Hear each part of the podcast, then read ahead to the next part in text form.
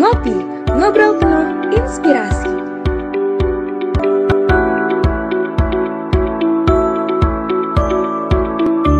Halo, selamat malam Sobat Ngulik di mana pun kalian berada. Kembali lagi di Ngopi Podcast, ngobrol penuh inspirasi. Nah, Sobat Ngulik, seperti malam minggu yang biasanya nih, kita bakalan ngobrol-ngobrol dan mengulik pembahasan yang pastinya seru dan inspiratif. Nah, tapi sebelum itu mungkin masih ada nih yang belum kenal sama host-host yang di episode kali ini. Nah, di episode kali ini, Sobat Ngulik bakalan ditemenin bareng saya, Muhammad Akbar, dan rekan saya, Jenny Mulyani. Nah, gimana ya. kabarnya nih Jen? Lagi udah masa-masa tenang juga nih sepertinya nih kita. Alhamdulillah Akbar. Nggak kerasa kita udah selesai UTS ya untuk angkatan 56 dan minggu depan udah mau masuk teman ke-8 nih. Nah, bener banget. Nah, semangatnya nggak boleh main melemah kali ya. Kita harus tetap semangat dan mungkin lebih dari sebelumnya. Nah, mungkin Sobat Ngulik juga mungkin di malam minggu ini bingung kali ya mau ngapain, mungkin juga gabut atau gimana. Nah, tapi tenang. Nah, di sini kita bakal nemenin Sobat Ngulik semua di weekendnya biar gak gabut pastinya.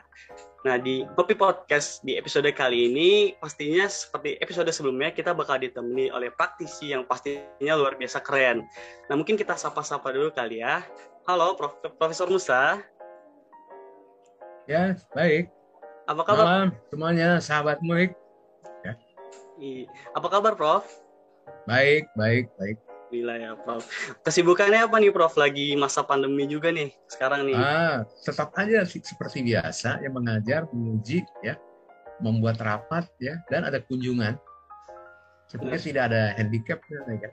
Cuman kita tidak bisa berpergian yang jarak jauh ya. ya iya benar banget. Mungkin lebih baik kendalanya ya, tapi masih hmm. bisa ya, Prof ya untuk tatap muka walaupun via. Iya, secara virtual. Kalau di dekat kita bisa membuat pertemuan kalau hanya Jakarta Bogor kita bisa off apa offline. Nah ya benar banget. Jadi walaupun di kondisi pandemi juga tapi tetap bisa produktif ya pastinya ya Prof. Ya. Bisa, nggak ada masalah. Saya bisa melakukan pekerjaan apa aja, menguji ya tadi ya, memeriksa ya, konsultasi mahasiswa kan dari jarak jauh. Maka dari itu kan kita membuat background berbeda-beda ya. Saya karena sering berpergian, nah dicari background yang ada pesawat terbang. Jadi mengingatkan kembali perjalanan. ya Pak, di masa-masa masih bisa berpergian berarti ya. Iya, bukan kan saya terakhir berpergian 2019 November. Sebelum dikatakan Maret 2020 di Indonesia ada korban suspek di Depok ya, yang seorang penari ya dengan gurunya dari Jepang. Nah, jadi penularan orang Jepang. Terus penari Indonesia terinfeksi. Setelah itu kena ibunya. Nah, itulah mulai terdengar di ada dua orang penderita COVID-19. Ya, saya kira begitu ya, Mas Akbar. Maksudnya santai aja kita. Ya, kan namanya juga ngobras ya, ngobrol santai. Atau tadi ngopi kan, ngobrol inspira, penuh inspirasi. Bener banget Prof, yang pasti di kondisi pandemi seperti sekarang pun tidak usah terlalu paranoid, tapi yang pasti tetap menjaga kesehatan fisik maupun mental Prof ya. Tetap waspada, cuman jangan ketakutan. Kalau nanti kita nggak pernah berkenalan dengan orang, itu jadi cemas kita. Orang ini OTG apa tidak? Kan begitu kan? Orang tanpa gejala. Bener nih Prof. Nah mungkin kita mau ngenalin dulu nih Prof. Mungkin karena sobat ya, mungkin ada yang masih belum tahu atau mungkin belum pernah diajar juga nih sama ya, Prof. Silakan. Nah, Prof Musa ini sendiri merupakan guru besar di Departemen Manajemen IPB University dan juga bisa dibilang kepala departemen yang pertama ya Prof di Departemen ya, betul. Nah ya dan Prof Musa sendiri juga merupakan salah satu pendiri Fakultas Ekonomi dan Manajemen di IPB University dan bisa dibilang untuk background pendidikannya itu bisa dibilang luas banget ya Prof udah ya. dari entah itu di PB mungkin di luar kampus juga pernah menjadi rektor dan sebagainya ya Prof ya. Ya. Ya dan Profesor Musa juga pernah menjadi pembicara di berbagai macam kegiatan-kegiatan di luar kampus juga pastinya. Wah keren banget sih. Ya. Iya, oke okay. mungkin uh, kita bakal di episode ngopi podcast kali ini menjelaskan sedikit dulu topiknya. Nah, topik kita kali ini itu adalah bagaimana sih peran generasi muda dalam menyongsong era revolusi industri 4.0.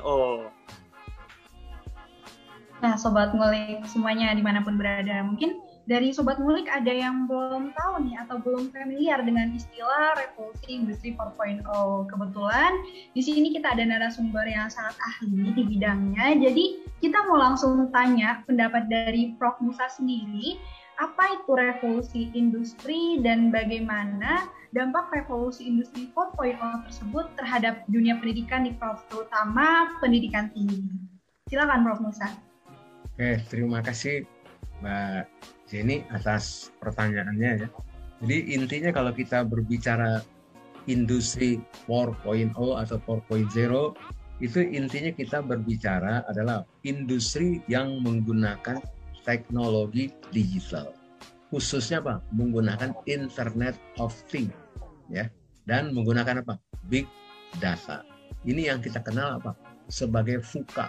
FUKA itu ada dua macam ya. Ada FUKA 1, FUKA 2. Kalau FUKA 1 itu tahun 60 70 itu yang disebutnya perang dingin antara Amerika dengan Rusia. Makanya FUKA satu diartikan apa? Volatility, uncertainty, ya. Kemudian apa? Ada yang kita sebut dengan complexity dan terakhir apa? ambiguity. Nah, di era kita FUKA 2 ya yang muncul di tahun 2015 itu memunculkan apa? konsep yang kita sebut dengan apa? Diganti kata volatility menjadi apa? Semacam velocity atau volume. Jadi kita berbicara kegiatan. Jadi kita tidak berbicara mengenai volatilitas kan artinya menguap ya. Banyak volatil itu kan arti banyak gangguan ya. Jadi mudah sekali menguap atau mencair. Nah, yang kedua, yang tadi disebutnya kita sebut uncertainty, ketidakpastian diubah menjadi kata apa? Understanding, pemahaman. Kan kalau kita sudah memahami apa yang terjadi, kita mampu menghayati. Kalau kita mampu menghayati apa? Terakhir Pak, mampu apa mengamalkan alias menerapkan atau mengimplementasikan. Nah, itu jadi dibuatnya lebih nyaman kan, understanding kan. Tadi kata complexity diubah lagi menjadi kata apa? Yang kita sebut dengan apa? Clean and clear. Bersih dan jelas. Jadi seperti ini Mas Akbar dan Mbak Jenny dalam berbicara, kita nih harus jelas dan juga jernih. Bisa dipahami? Maka kan tadi kan recording sudah siap atau belum?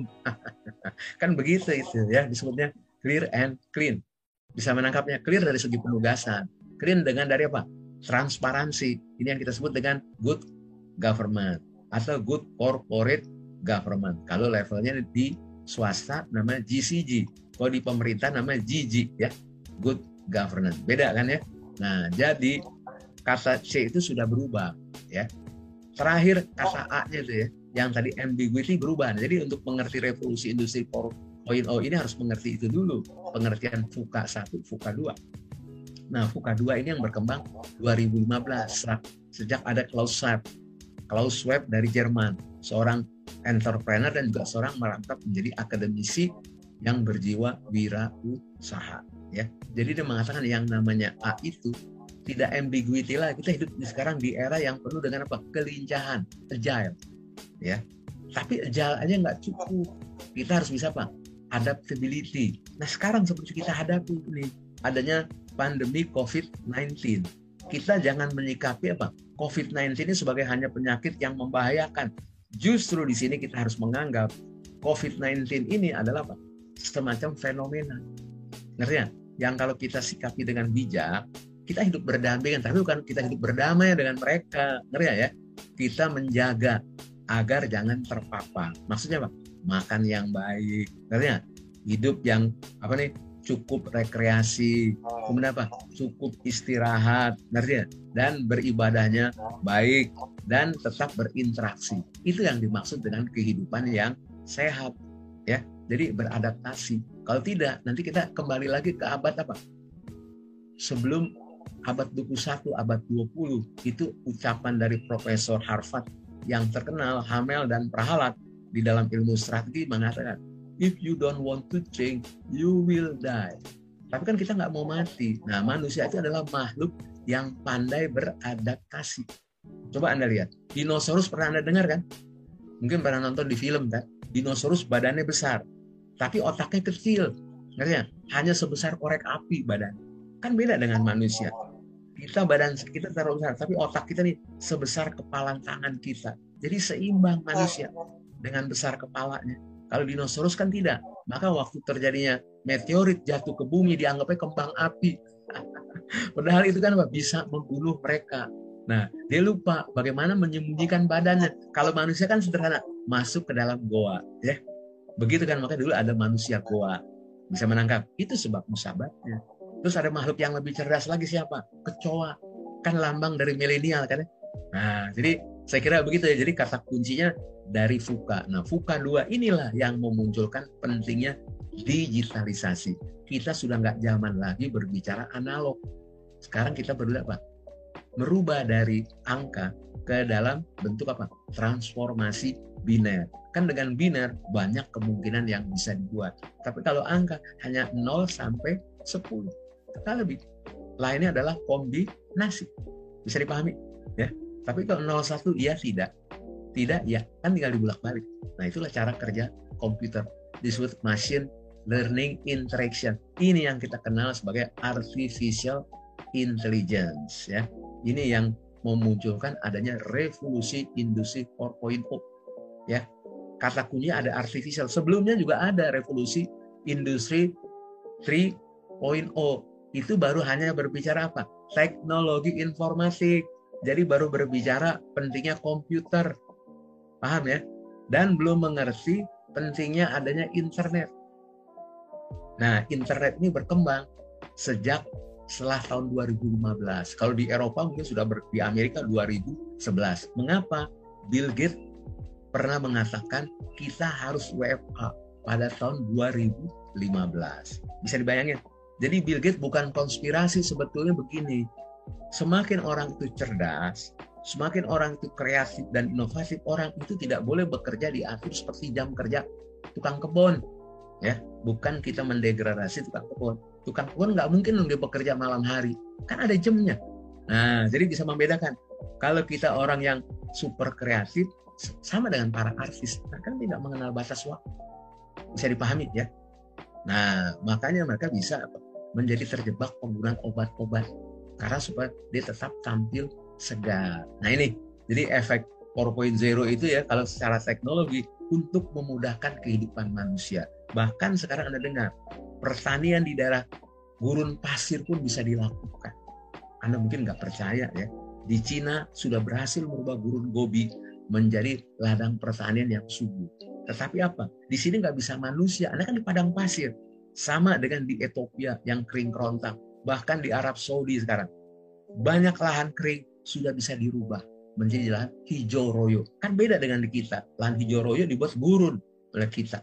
Karena apa? Pohonnya ditebang ya akhirnya panas kan anda lihat kan terjadi longsor terjadi banjir jadi man, manusia menciptakan kerusakan nah kelebihan daripada pertanian modern yang disebutnya smart farming kita menggunakan apa tadi teknologi digital kata kunci artificial intelligence dan big data dan ada internet of things kan anda ini sekarang punya handphone sama dengan saya sekarang anda cukup mengendalikan kehidupan dengan handphone buka pintu nyalain lampu rumah tidak perlu tangan kita bergerak. Jadi yang berguna apa? Jempol. Nanti kita khawatir manusia jarinya kurang, hanya jempol doang. ya. Nah, itu kurang lebih supaya apa nih? Ada joknya ya. Jangan terlalu kaku ya. Nah, jadi sekarang pertanyaan dari Mbak Jenny ini kan dikaitkan dengan masalah dunia pendidikan tadi ya. Nah, jelas adanya revolusi 4.0 yang sangat penuh dengan teknologi yang kadang-kadang tidak ramah kepada kita. Kita nih sekarang harus bisa membuka web ya. Dari ini nih, nggak perlu buka komputer. Luar biasa kan, berarti problemnya sederhana. Beli handphone atau smartphone yang agak lumayan harganya. Mungkin 8-10 juta baru powerful ya. Kalau yang 4 juta ke bawah problem memori. nah, bisa menangkap ya. Jadi di sinilah Anda sebagai calon generasi muda dan generasi penerus harus mulai menyadari keberadaan teknologi jangan disikapi paranoid akan menggantikan manusia. Tidak, tetap manusia akan menjadi Pak, penyumbang ide. Tadi saya katakan ide WFH sudah muncul sejak tahun 2013 dan 2015. Karena sekarang muncul WFH dianggapnya Bill Gates membuat teori konspirasi. Sebenarnya bukan, dia hanya ingin memberikan kesempatan. Kan di Indonesia ini pinter goblok sama aja. Paham nggak? ya nggak ada bedanya orang pintar goblok ya sama kalau di pemilu kan sama dibayar mereka ya yang pintar dan goblok itu ya Jadi tidak ada nilainya. Kalau di luar negeri berbeda. Nah itu yang membuat terjadinya apa? Kenapa adanya inovasi? Ya, inovasi itu memerlukan apa? Pikiran yang apa nih? Tidak bersifat linear, ya? Melompat. Jadi quantum leap, ya, atau membuat jumping decision, ya, keputusan yang meloncat. Bisa anda menangkap ya? Sama dengan negara kita, ya. Jadi ini dengan adanya revolusi industri 4.0, apa yang harus dilakukan pendidikan? Jawabnya sederhana supaya pendidikan berjalan dengan baik, lakukan yang nama apa? Workshop, ya. Lakukan FGD. Nah, itu caranya untuk menyamakan apa? Persepsi. Itu yang harus dilakukan. Dan kedua apa? Melakukan pelatihan. Kan pelatihan tujuan untuk meningkatkan wawasan dan meningkatkan apa? Keterampilan, tapi tidak memberikan gelar kan. Nah, ini yang perlu menjadi pemikiran kita. Jadi dengan kata lain, kita bisa mempelajari perkembangan teknologi di mana di dalamnya ada tren perubahan perilaku. Betul nggak? Seperti Anda nih bangun, apa yang dicari dulu? Pasti gadget, ya. Ukuran tadi uh, ibaratnya empat persegi itu ya, itu yang dicari dulu sama semua orang. Nah, bisa memahami. Jadi ketergantungan kita akan teknologi sudah tinggi. Bahkan pesan makanan aja kan bisa kita pakai ojol, ojek on online. Jadi kalau sekarang nih kita punya usaha kuliner, jualan bubur, manfaatkan ojol. Pasti bubur kita bisa laku keras ya. Dan kalau ditanya gambar seperti bubur kirimin gambarnya ya. Yang dikasih kerupuk segala macam. Kan orang tergoda ada ayamnya ya. Disuir-suir begitu ya. Nah itu pengalaman kemarin diskusi saya dengan seorang penjual mie ayam di apa nih Pamulang. Itu terkenal tapi tidak mau berubah menggunakan teknologi gadget sekarang ini dengan ojol itu ya. Tapi ada mitra saya di Semarang baru berbisnis tiga bulan dari seorang pegawai yang di PHK kok buburnya sukses? Karena dia menerapkan tadi teknik penjualan online ya. Jadi marketing online yang merupakan bagian apa? Digital marketing ya. Jadi yang harus dilakukan oleh perguruan tinggi adalah jelas tadi untuk mempertemukan itu ada workshop ya. Ada WGD FGD focus group discussion atau melakukan diskusi teknis ya. Di samping melakukan pelatihan. Dan akhirnya apa? Ada pertukaran antara staf atau tenaga administrasi ke pihak lain yang sudah menerapkan teknologi ini. Jadi kita ibaratnya tidak belajar dari nol. Jadi apa? Terjadi alih teknologi, transfer of teknologi. Jadi itu yang dipersiapkan. Tentu kalau orang-orang perguruan tinggi yang paling gampang, Mbak Jenny apa? Merubah kurikulum, ya. Nah, sekarang kurikulum ini udah nggak zaman. Kuliah masih mengandalkan tadi PPT. Nah, sekarang kita harus mengganti dengan ilmunya apa? Video dan podcast. Jadi kompetensi apa yang Anda butuhkan nih? Pertanyaan Anda perguruan tinggi. Perbaiki apa? Komunikasi. Jadi saya sebutnya communication pertama ya. Kedua apa? Kita harus memperbaiki kemampuan collaboration. Kemampuan untuk kita menggalang sesuatu dengan duduk bersama, membicarakannya, dan memutuskan. Jadi bukan model cooperation. Nah, di di sinilah perlunya Pak, flexibility ya. Jadi jadi perguruan tinggi mau merubah kurikulum tapi bukan menurut mau dosen atau rektornya. Apa? Mendengarkan apa? Konstituen. Siapa tuh konstituen? Mahasiswa. Kedua siapa? Orang tua murid. Ketiga siapa? Industri atau penggu, pengguna. Ya. Keempat siapa? Komunitas. Ini yang kita kenal dengan apa? Konsep ABGCM. Academician, Business, Government, Communities, dan apa? Mass Media. Jadi kalau Anda nggak ada mass media, Anda nggak bisa berbicara apa. Maka Anda bagus membuat acara kopi podcast, ya kan? Sobat ngulik, kan luar biasa. Ya, bahasa yang tren, betul ya? Dan menimbulkan apa? Tadi rasa ketertarikan. Kan Anda sudah belajar ilmu marketing ya? Anda belajar ilmu yang namanya AIDA ya. Apa AIDA? Attractiveness, interest, desire, decision, dan action. Jadi maksudnya apa? Anda jangan jadi man of idea, jadilah man of action. Ya, jadi 4.0 ini intinya apa? Hanya untuk supporting system bukan the new system. Jadi begitu dapat tercover ya. Jadi kata kunci apa? Perbaikan kurikulum. Prosesnya tadi apa? Workshop, FGD, pelatihan.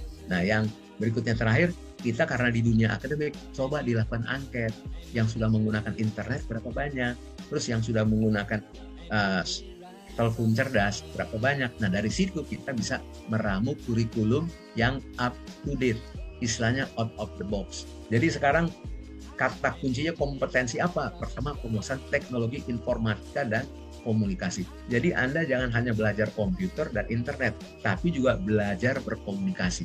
Jadi untuk menjadi how to become a champion, pertama Pak, communication. Kedua apa? Collaboration. Ketiga adalah apa? Kita harus mempelajari yang nama Pak, creativity dan innovation. Terakhir apa? Critical thinking. Bisa dipahami? critical thinking kan ilmuwan. Itu yang disebut tadi kompetensi. Kompetensi kan kita kenal ada tiga ya KSA knowledge skill attitude. Kalau knowledge itu kan ada yang implisit dan eksplisit kalau yang kita sebut dengan skill itu ada hard skill dan soft skill. Hard skill itu misalnya pak anda ilmu-ilmu keras. Seperti anda pelajari ilmu praktikum itu hard skill. Tapi kalau kita nih berbicara seperti podcast ini ya ini yang sebutnya apa soft skill kita berbicara tentang interpersonal skill. Bisa dipahami ya? Jadi ada 4C untuk menjadi a champion. Bisa dipahami ya. Sama kan kalau Anda minjam duit ke bank, kan ilmunya 5C juga. Saya juga buat 5C kan. Ya. Bisa dipahami untuk menjadi orang sukses, kata kuncinya empat tadi. Pertama, communication. Kedua, collaboration. Ketiga, bisa diperdebatkan antara creativity dan critical thinking. Kalau Anda menjadi akademisi, pentingan critical thinking. Tapi kalau Anda menjadi wirausaha atau menjadi profesional, kedepankan apa? Creativity and innovation. Paham ya?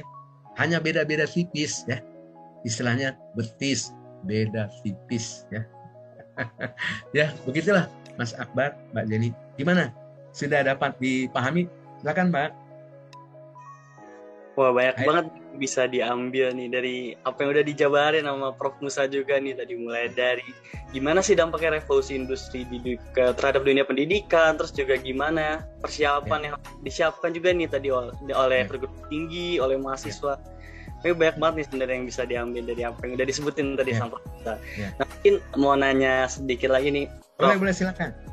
Iya, jadi uh, mungkin mau nanya tantangan apa sih yang bakal dihadapi mahasiswa nih ke depannya, terutama terkait kehidupan pasca kampus, terutama di masa revolusi industri 4.0 ini, dan juga mungkin uh, bagaimana sih tingkat kesiapan nih dari entah itu mahasiswa atau perguruan tinggi atau mungkin dari negara sendiri terhadap uh, revolusi industri 4.0 ini?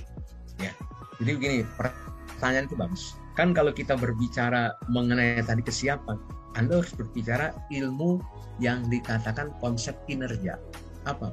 Pertama kita harus mengerti yang nama resources. Tahu resources? Kan kita mana dalam resources ada ilmunya GIGO.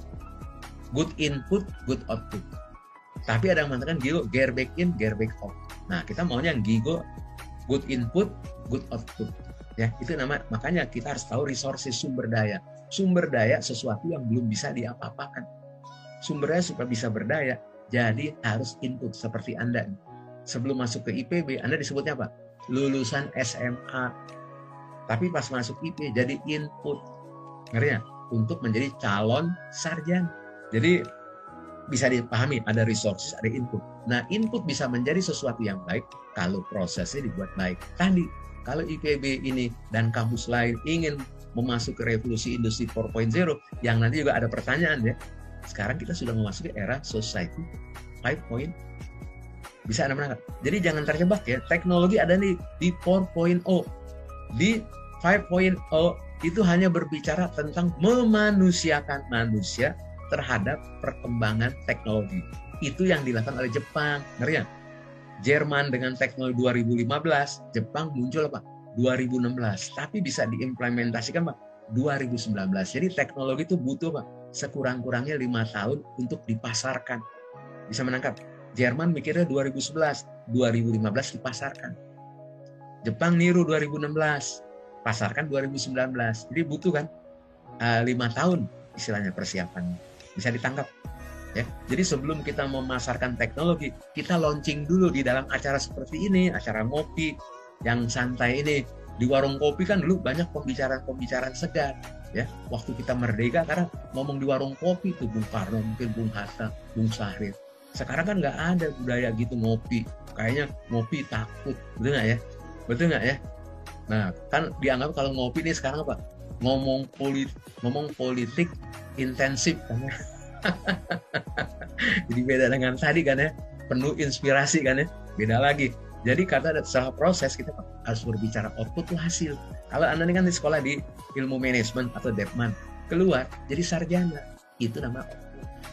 Tetapi kalau anda bisa memberikan manfaat bagi keluarga dan lingkungan itu namanya outcomes. Bisa menangkap? Jadi ada bukan sekedar luaran ya. Sama kalau kita motong singkong sekilo kan berkurang beratnya kan itu output. Tapi kalau singkong saya rubah jadi combo, combro dan misro itu outcome karena apa? Bisa dijual. Ngerti ya? Misro untuk anak-anak, kasih gula, combro kasih cabai untuk orang yang suka pedas kan begitu kan ya? Ini makanan klasik udah nggak ada lah udah langka ya. Bisa pahami ya, combro ya, makanan langka. Nah, itu namanya output dan outcome. Bisa membedakan kan ya? Jadi kalau Anda udah lulus tadi persiapan setelah Anda lulus itu nama outcome. Kalau Anda baru lulus namanya output. Nah, sekarang gampang untuk mencapai output proses. Ikuti semua kuliah dengan baik, ya capailah nilai minimal. Apa? C nilainya. Cukup kan? Nilai C ya. Kalau anda mau hebat cari B dan A. Kalau A excellent. Tapi kan belum jaminan bahwa anda jadi pimpinan ya. Kebanyakan yang jadi pimpinan yang nilainya C. Kenapa nilainya C? C kan champion. Lulusan C itu champion ya. Kalau B apa? Beruntung baru. Beruntung dengan champion beda kan ya?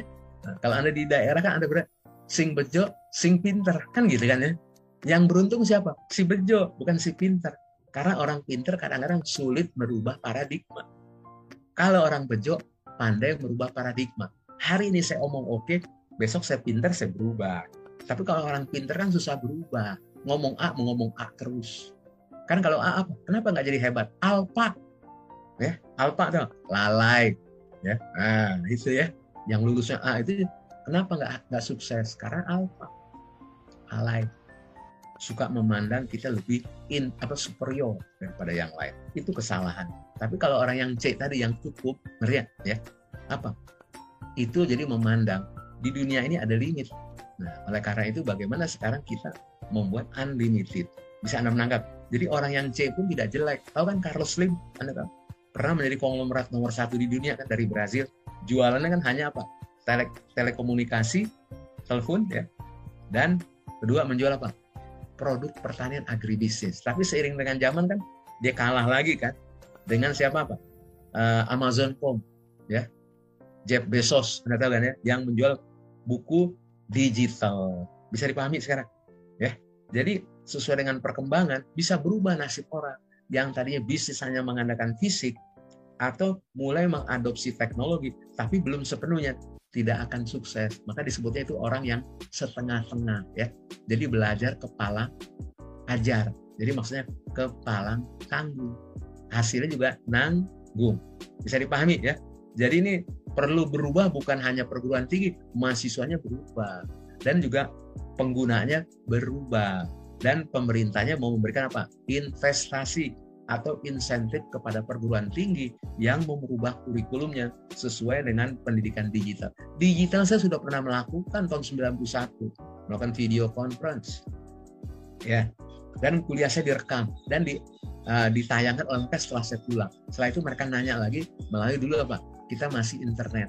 Nah, kalau internet dulu kita harus pergi ke pusat komputer puskom nggak bisa dari rumah kalau sekarang kan enak kita dari rumah ya. Jadi sudah banyak kemudahan yang diberikan. Bisa dibayangkan ya ini kalau anda orang beragama mungkin anda bisa memandang ini teknologi Isra Mi'raj. Bisa menangkap perginya Nabi ngerti ya? Dari Masjidil Haram ke Masjidil Aqsa dari Masjidil Aqsa pergi ke Sidratul Muntaha untuk menerima perintah sholat lima waktu. Ini kan teknologi seperti ini yang dilakukan oleh Nabi. Bisa menangkap.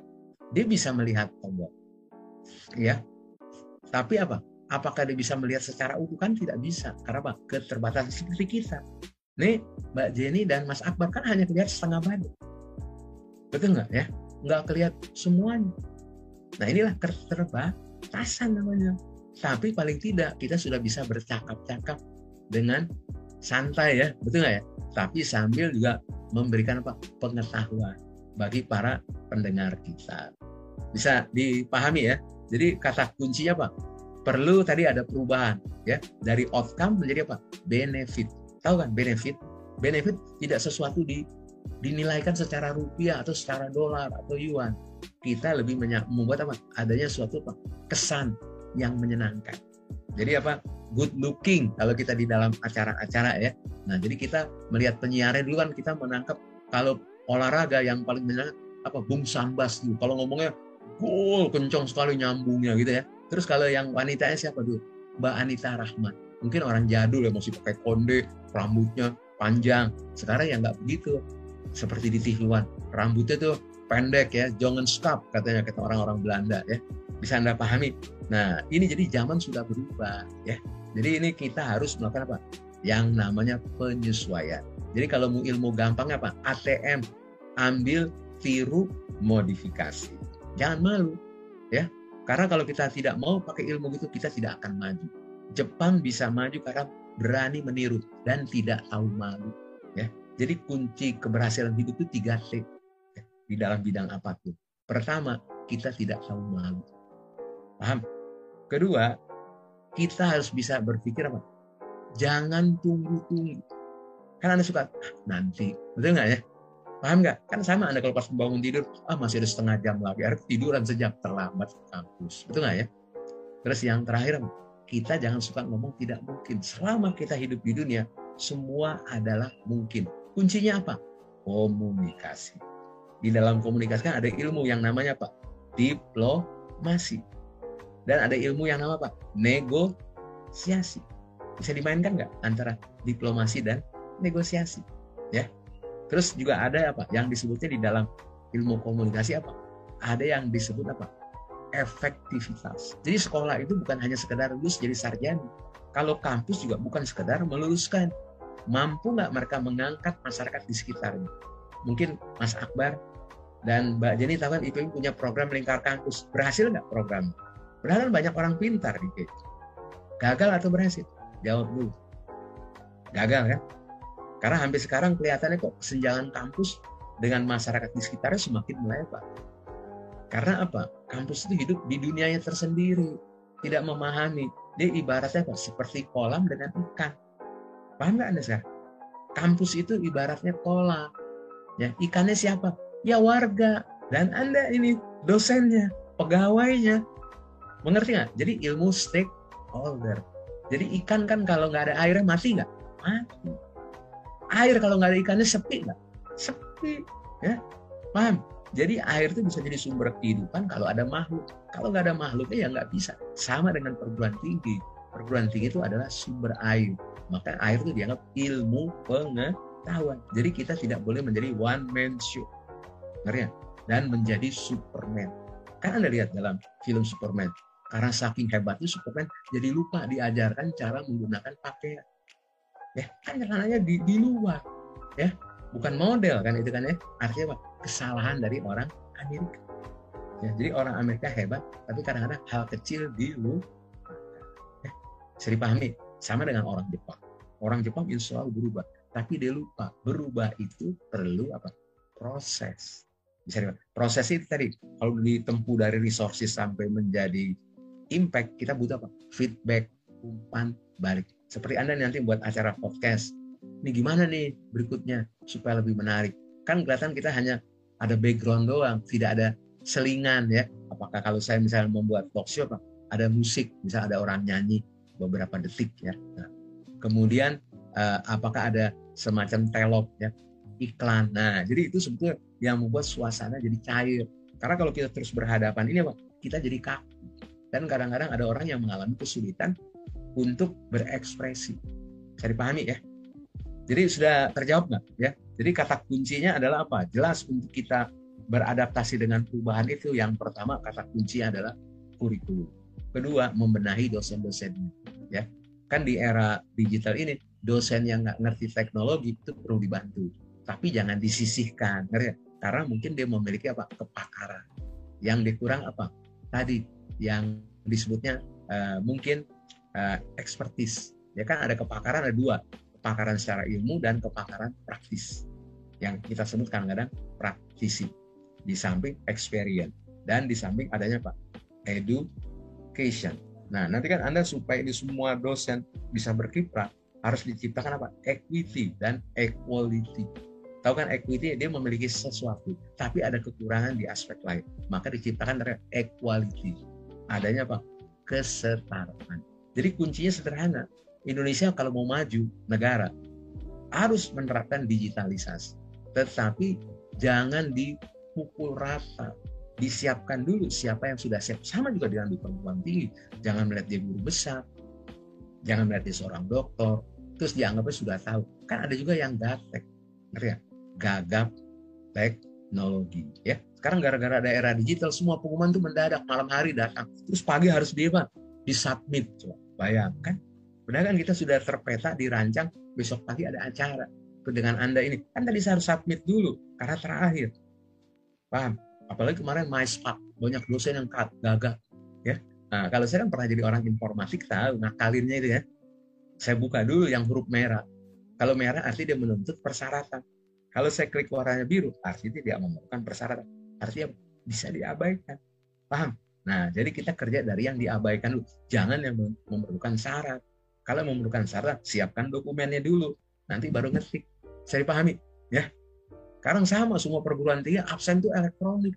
Udah nggak ada lagi absen manual. Anda harus ngetik pakai Google Docs. Benar Nah, maka Anda harus siapkan nih. Seperti nomor NIP. Ngerti nggak ya? Kan kita bisa lupa panjang. NIP itu kan 16 digit. Masa kita apalin yang bener aja. ya.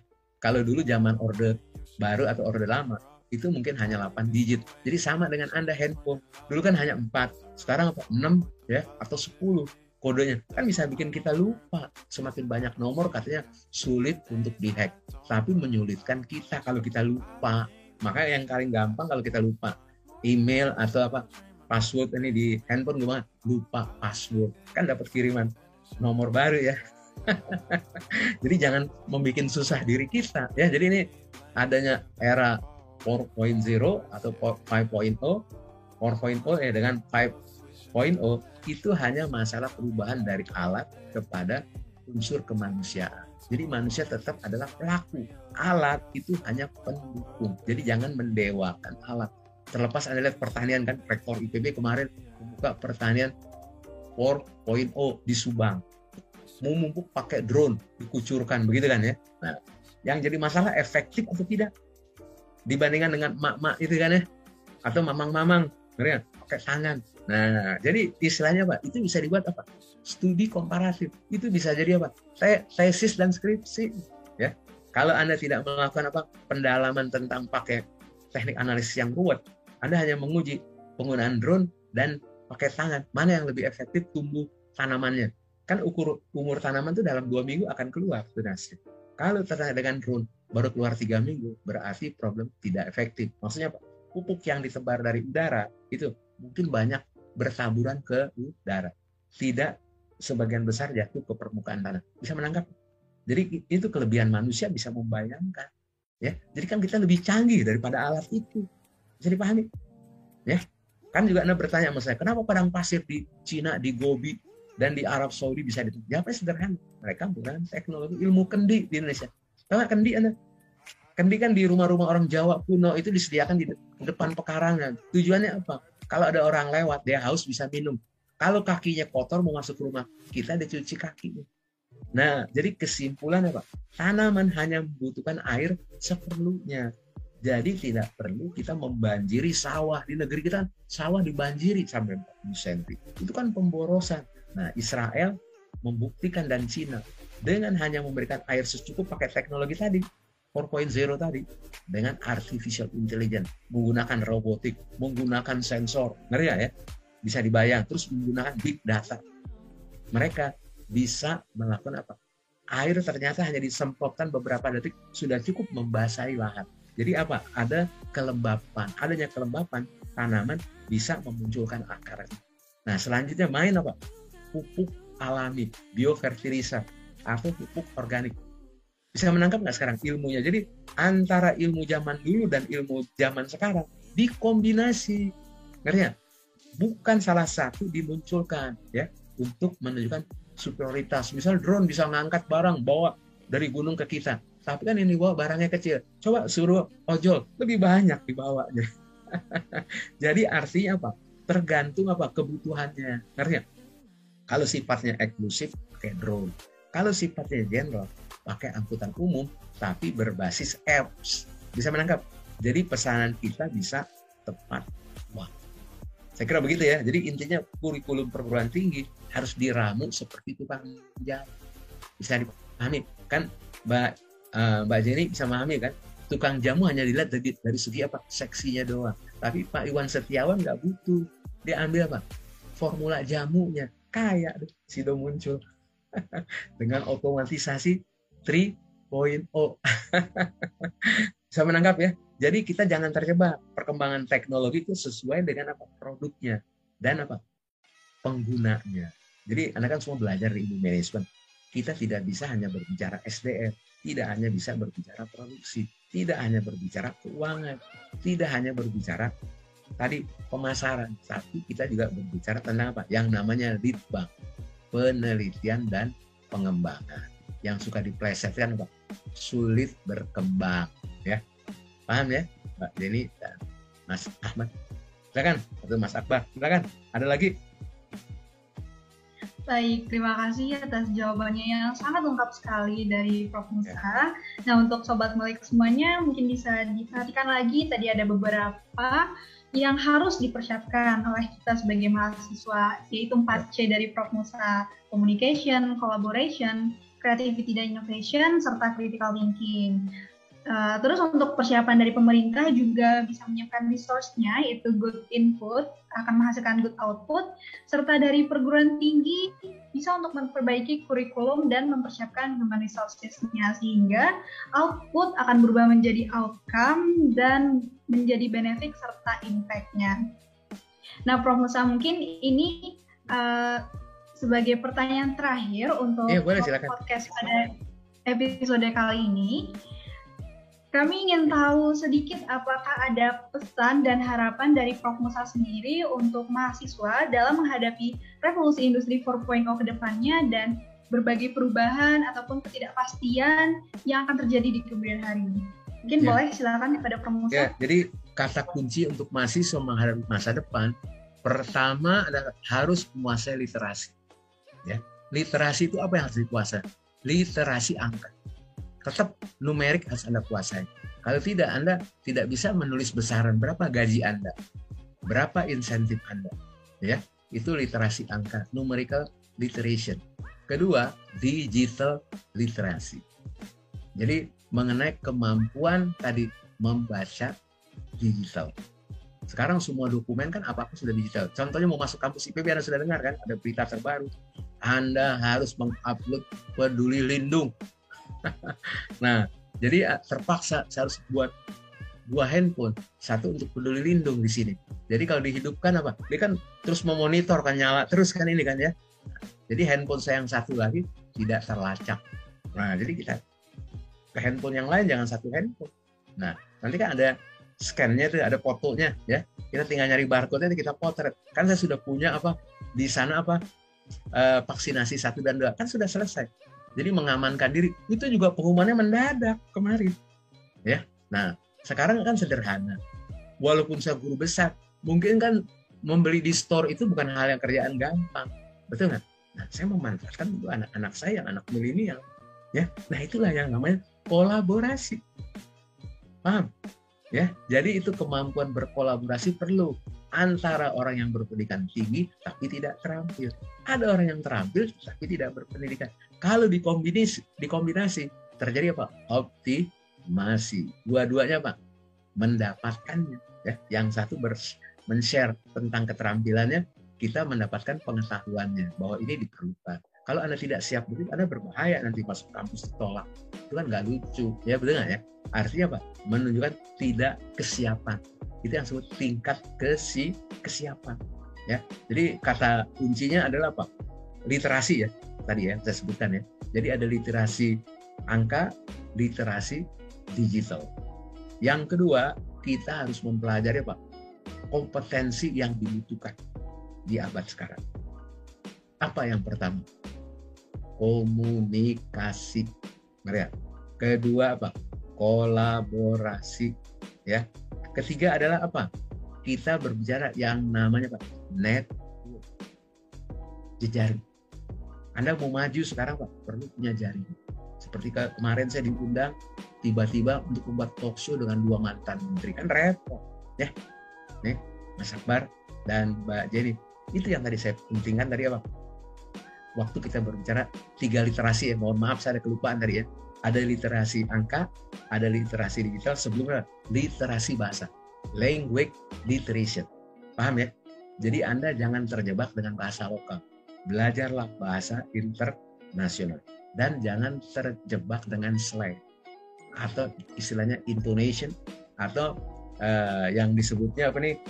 pronunciation kan kita punya pasti ada masalah tapi orang bisa menangkap kalau kita ngomongnya bahasanya agak melengking dianggapnya apa oh ini dialog British kalau ngomongnya agak ah, ah, oh ini dialog Amerika terus kalau ngomongnya agak sedikit sengal oh ini dialek Eropa jadi mereka sudah tapi kalau ada bau campur-campur ah ini orang Melayu jadi sudah mereka sudah mampu mendeteksi itu jadi akhirnya muncul apa penyamaan persepsi kalau saya misalnya mengatakan, bagaimana Anda menangkapnya agak kurang jelas? Nah, kalau kurang jelas, seringlah undang saya. Kan saya bisa joking begitu. Nanti barangkali bahasa saya akan sama dengan Anda.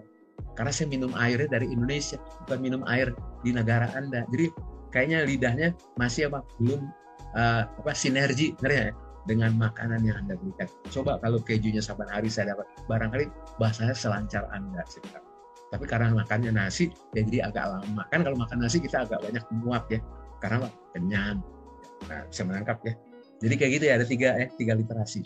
Terus yang kedua apa? Skill yang kita butuhkan ada empat. Terakhir apa entrepreneurship jadi kalau anda nih jadi mahasiswa hanya berpikir menjadi scholar salah anda harus juga bisa yang nama wirausaha bukan berarti merchant Anda jangan salah paham merchant adalah bagian daripada entrepreneur bisa dipahami Nah, Anda ini selama jadi mahasiswa menjadi bisa apa?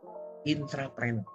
Magang di departemen atau magang di lembaga-lembaga IPB, misal menjadi MC ya, atau menjadi tim riset, itu sudah namanya apa? Kewirausahaan. Anda menjadi apa? Academic entrepreneur. Bisa menangkap ya, academic entrepreneur. Atau Anda menjadi tadi apa? Yang disebutnya apa? Art. Art entrepreneur. Ya. Jadi wirausaha di bidang seni. Paham ya? Jadi ini Anda bisa kembangkan. Jadi empat ya. Tadi tiga dan empat ya. Anda sudah menangkap ya. Nah, jadi ilmunya nanti apa? Jisamsu dua tiga empat. ya. Nah, Mas Ahmad kan perokok barangkali ya, Mas Akbar ya. Jisamsu ya. Nah. jadi ilmunya apa? Yang literasi hanya tiga, yang skillnya empat. Tadi yang terakhir apa? Kita harus punya quality karakter. Apa yang disebut dengan quality karakter? kita harus bisa bersikap tadi apa? Critical thinking dalam rangka memecahkan problem solving. Dan terakhir, kita harus punya yang namanya hot. Tahu kan hot bukan panas, ya. Hot itu singkatan apa? High order thinking. Jadi Anda berpikir kesisteman. Tadi yang tadi saya sampaikan, mulai dari resources sampai ke impact. Ya, itu nama quality character. Orang yang bekerja bisa melihat keseluruhan, tidak melihat per segmen. Kalau orang bisa melihat per segmen bisa keliru. Bisa dipahami. Ya. Kan negeri kita ini negara kaya, tapi kok miskin rakyatnya? Jawabnya sederhana. Pemimpinnya tidak mampu mengelola potensi yang ada. Nah, oleh karena itu tadi saya katakan, era 4.0 tidak boleh terjebak mengganti manusia dengan alat.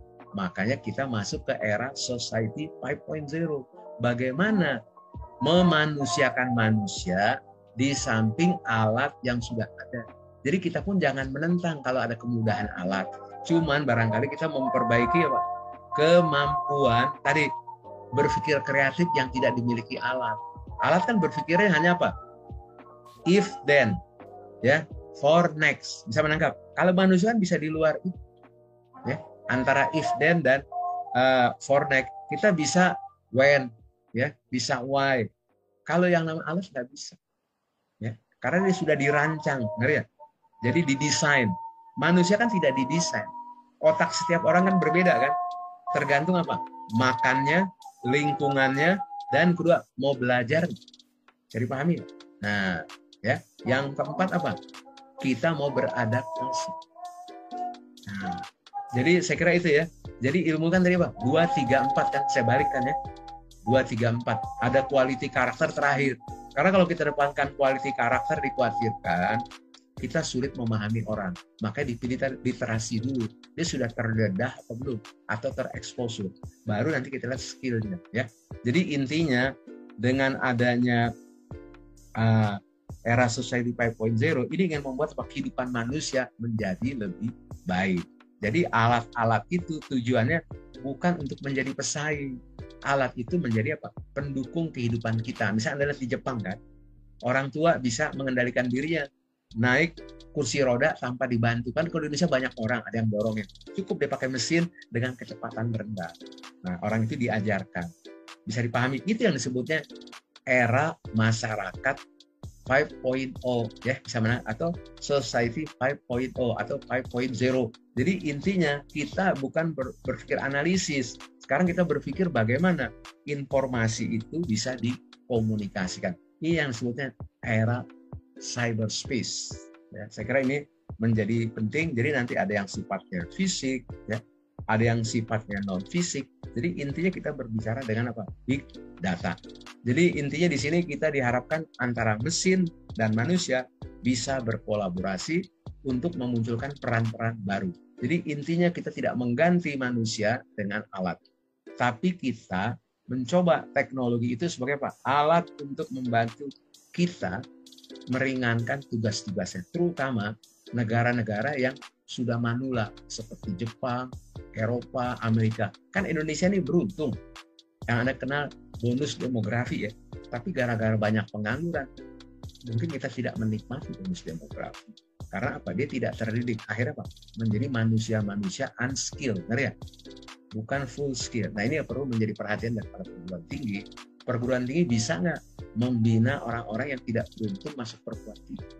Nah, kuncinya perguruan tinggi harus bekerja sama dengan apa? Pemerintah. Apakah pemerintah daerah, tingkatnya kabupaten, provinsi, atau dengan dinas, ataupun dengan kementerian. ya Dalam rangka apa? Mencerdaskan kehidupan anak bangsa. Jadi intinya adalah kita ini uh, menekankan pentingnya apa? Profesionalisme, kompetensi, dan tentunya akhirnya adalah tadi masalah kapasitas menguasai digital. Di samping masalah apa? Mental set yang sekarang kita kenal dengan konsep growth mindset, bukan fixed mindset. Kalau fixed mindset begini maksudnya. Nih, Mbak Jenny dan Mas Akbar kelihatannya terlambat di kuliahnya nih. Terus dosennya ah payah nih orang. Padahal nanti Mas Akbar dan Mbak Jenny dengan berjuang keras, mungkin IPK-nya tidak nampak, tapi pas bekerja anda berdua lebih lancar dari teman-teman yang di kelas hanya belajar doang. Karena apa? Anda berinteraksi dengan konstituen. Jadi Anda mengerti kehidupan yang sebenarnya. Kehidupan kampus kan bukan hidup dunia nyata. Dunia nyata itu ada di pasar. Tahu kan Anda? Di pasar tradisional, bukan di mall. Kalau di mall dunia penuh dengan apa? Kepalsuan. Yang disebutnya PHP ya. Mungkin kalau Anda sebagai anak muda tahu lah ya. Nah, itulah saya kira ya kurang lebihnya ya. Jadi intinya yang paling penting dari semuanya adalah merubah mindset. Jadi jangan terjebak dengan technical set, skill set. Yang paling penting adalah mental set. Yang akhirnya menjadi mindset yang kita sebut dengan growth mindset. Saya kira itu ya. Silakan ada hal-hal lain. Silakan Mbak Jenny.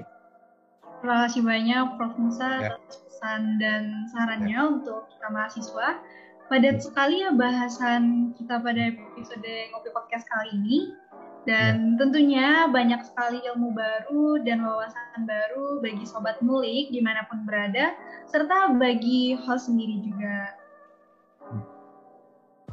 Tadi kita Silahkan. sudah membahas mengenai apa itu revolusi industri 4.0 yang di mana kata kuncinya adalah IoT, Internet of Things, Big Data, Artificial Intelligence, mengenai perbedaan VUCA 1 dan VUCA 2, serta sudah diberitahu apa saja persiapan dari perguruan tinggi. Mungkin untuk episode podcast kita di malam minggu ini cukup sampai di sini.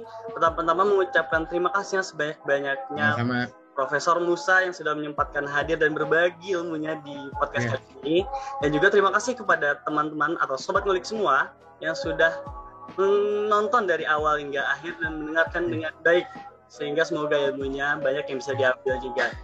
Nah, untuk sobat ngulik, jangan lupa untuk nonton terus Ngopi Podcast di channel YouTube Center of Management dan jangan lupa juga untuk like, comment, dan subscribe.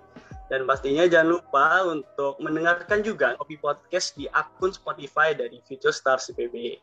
Baik, saya Bay dan rekan saya Jadi Mulyani. pamit undur diri dan selamat berjumpa di episode-episode Ngopi Podcast selanjutnya. See you guys. Terima kasih untuk Sobat Ngulik yang udah ngedengerin Ngopi Podcast kali ini. Dan jangan lupa untuk tetap stay tune di Ngobrol Penuh Inspirasi selanjutnya. Bye-bye!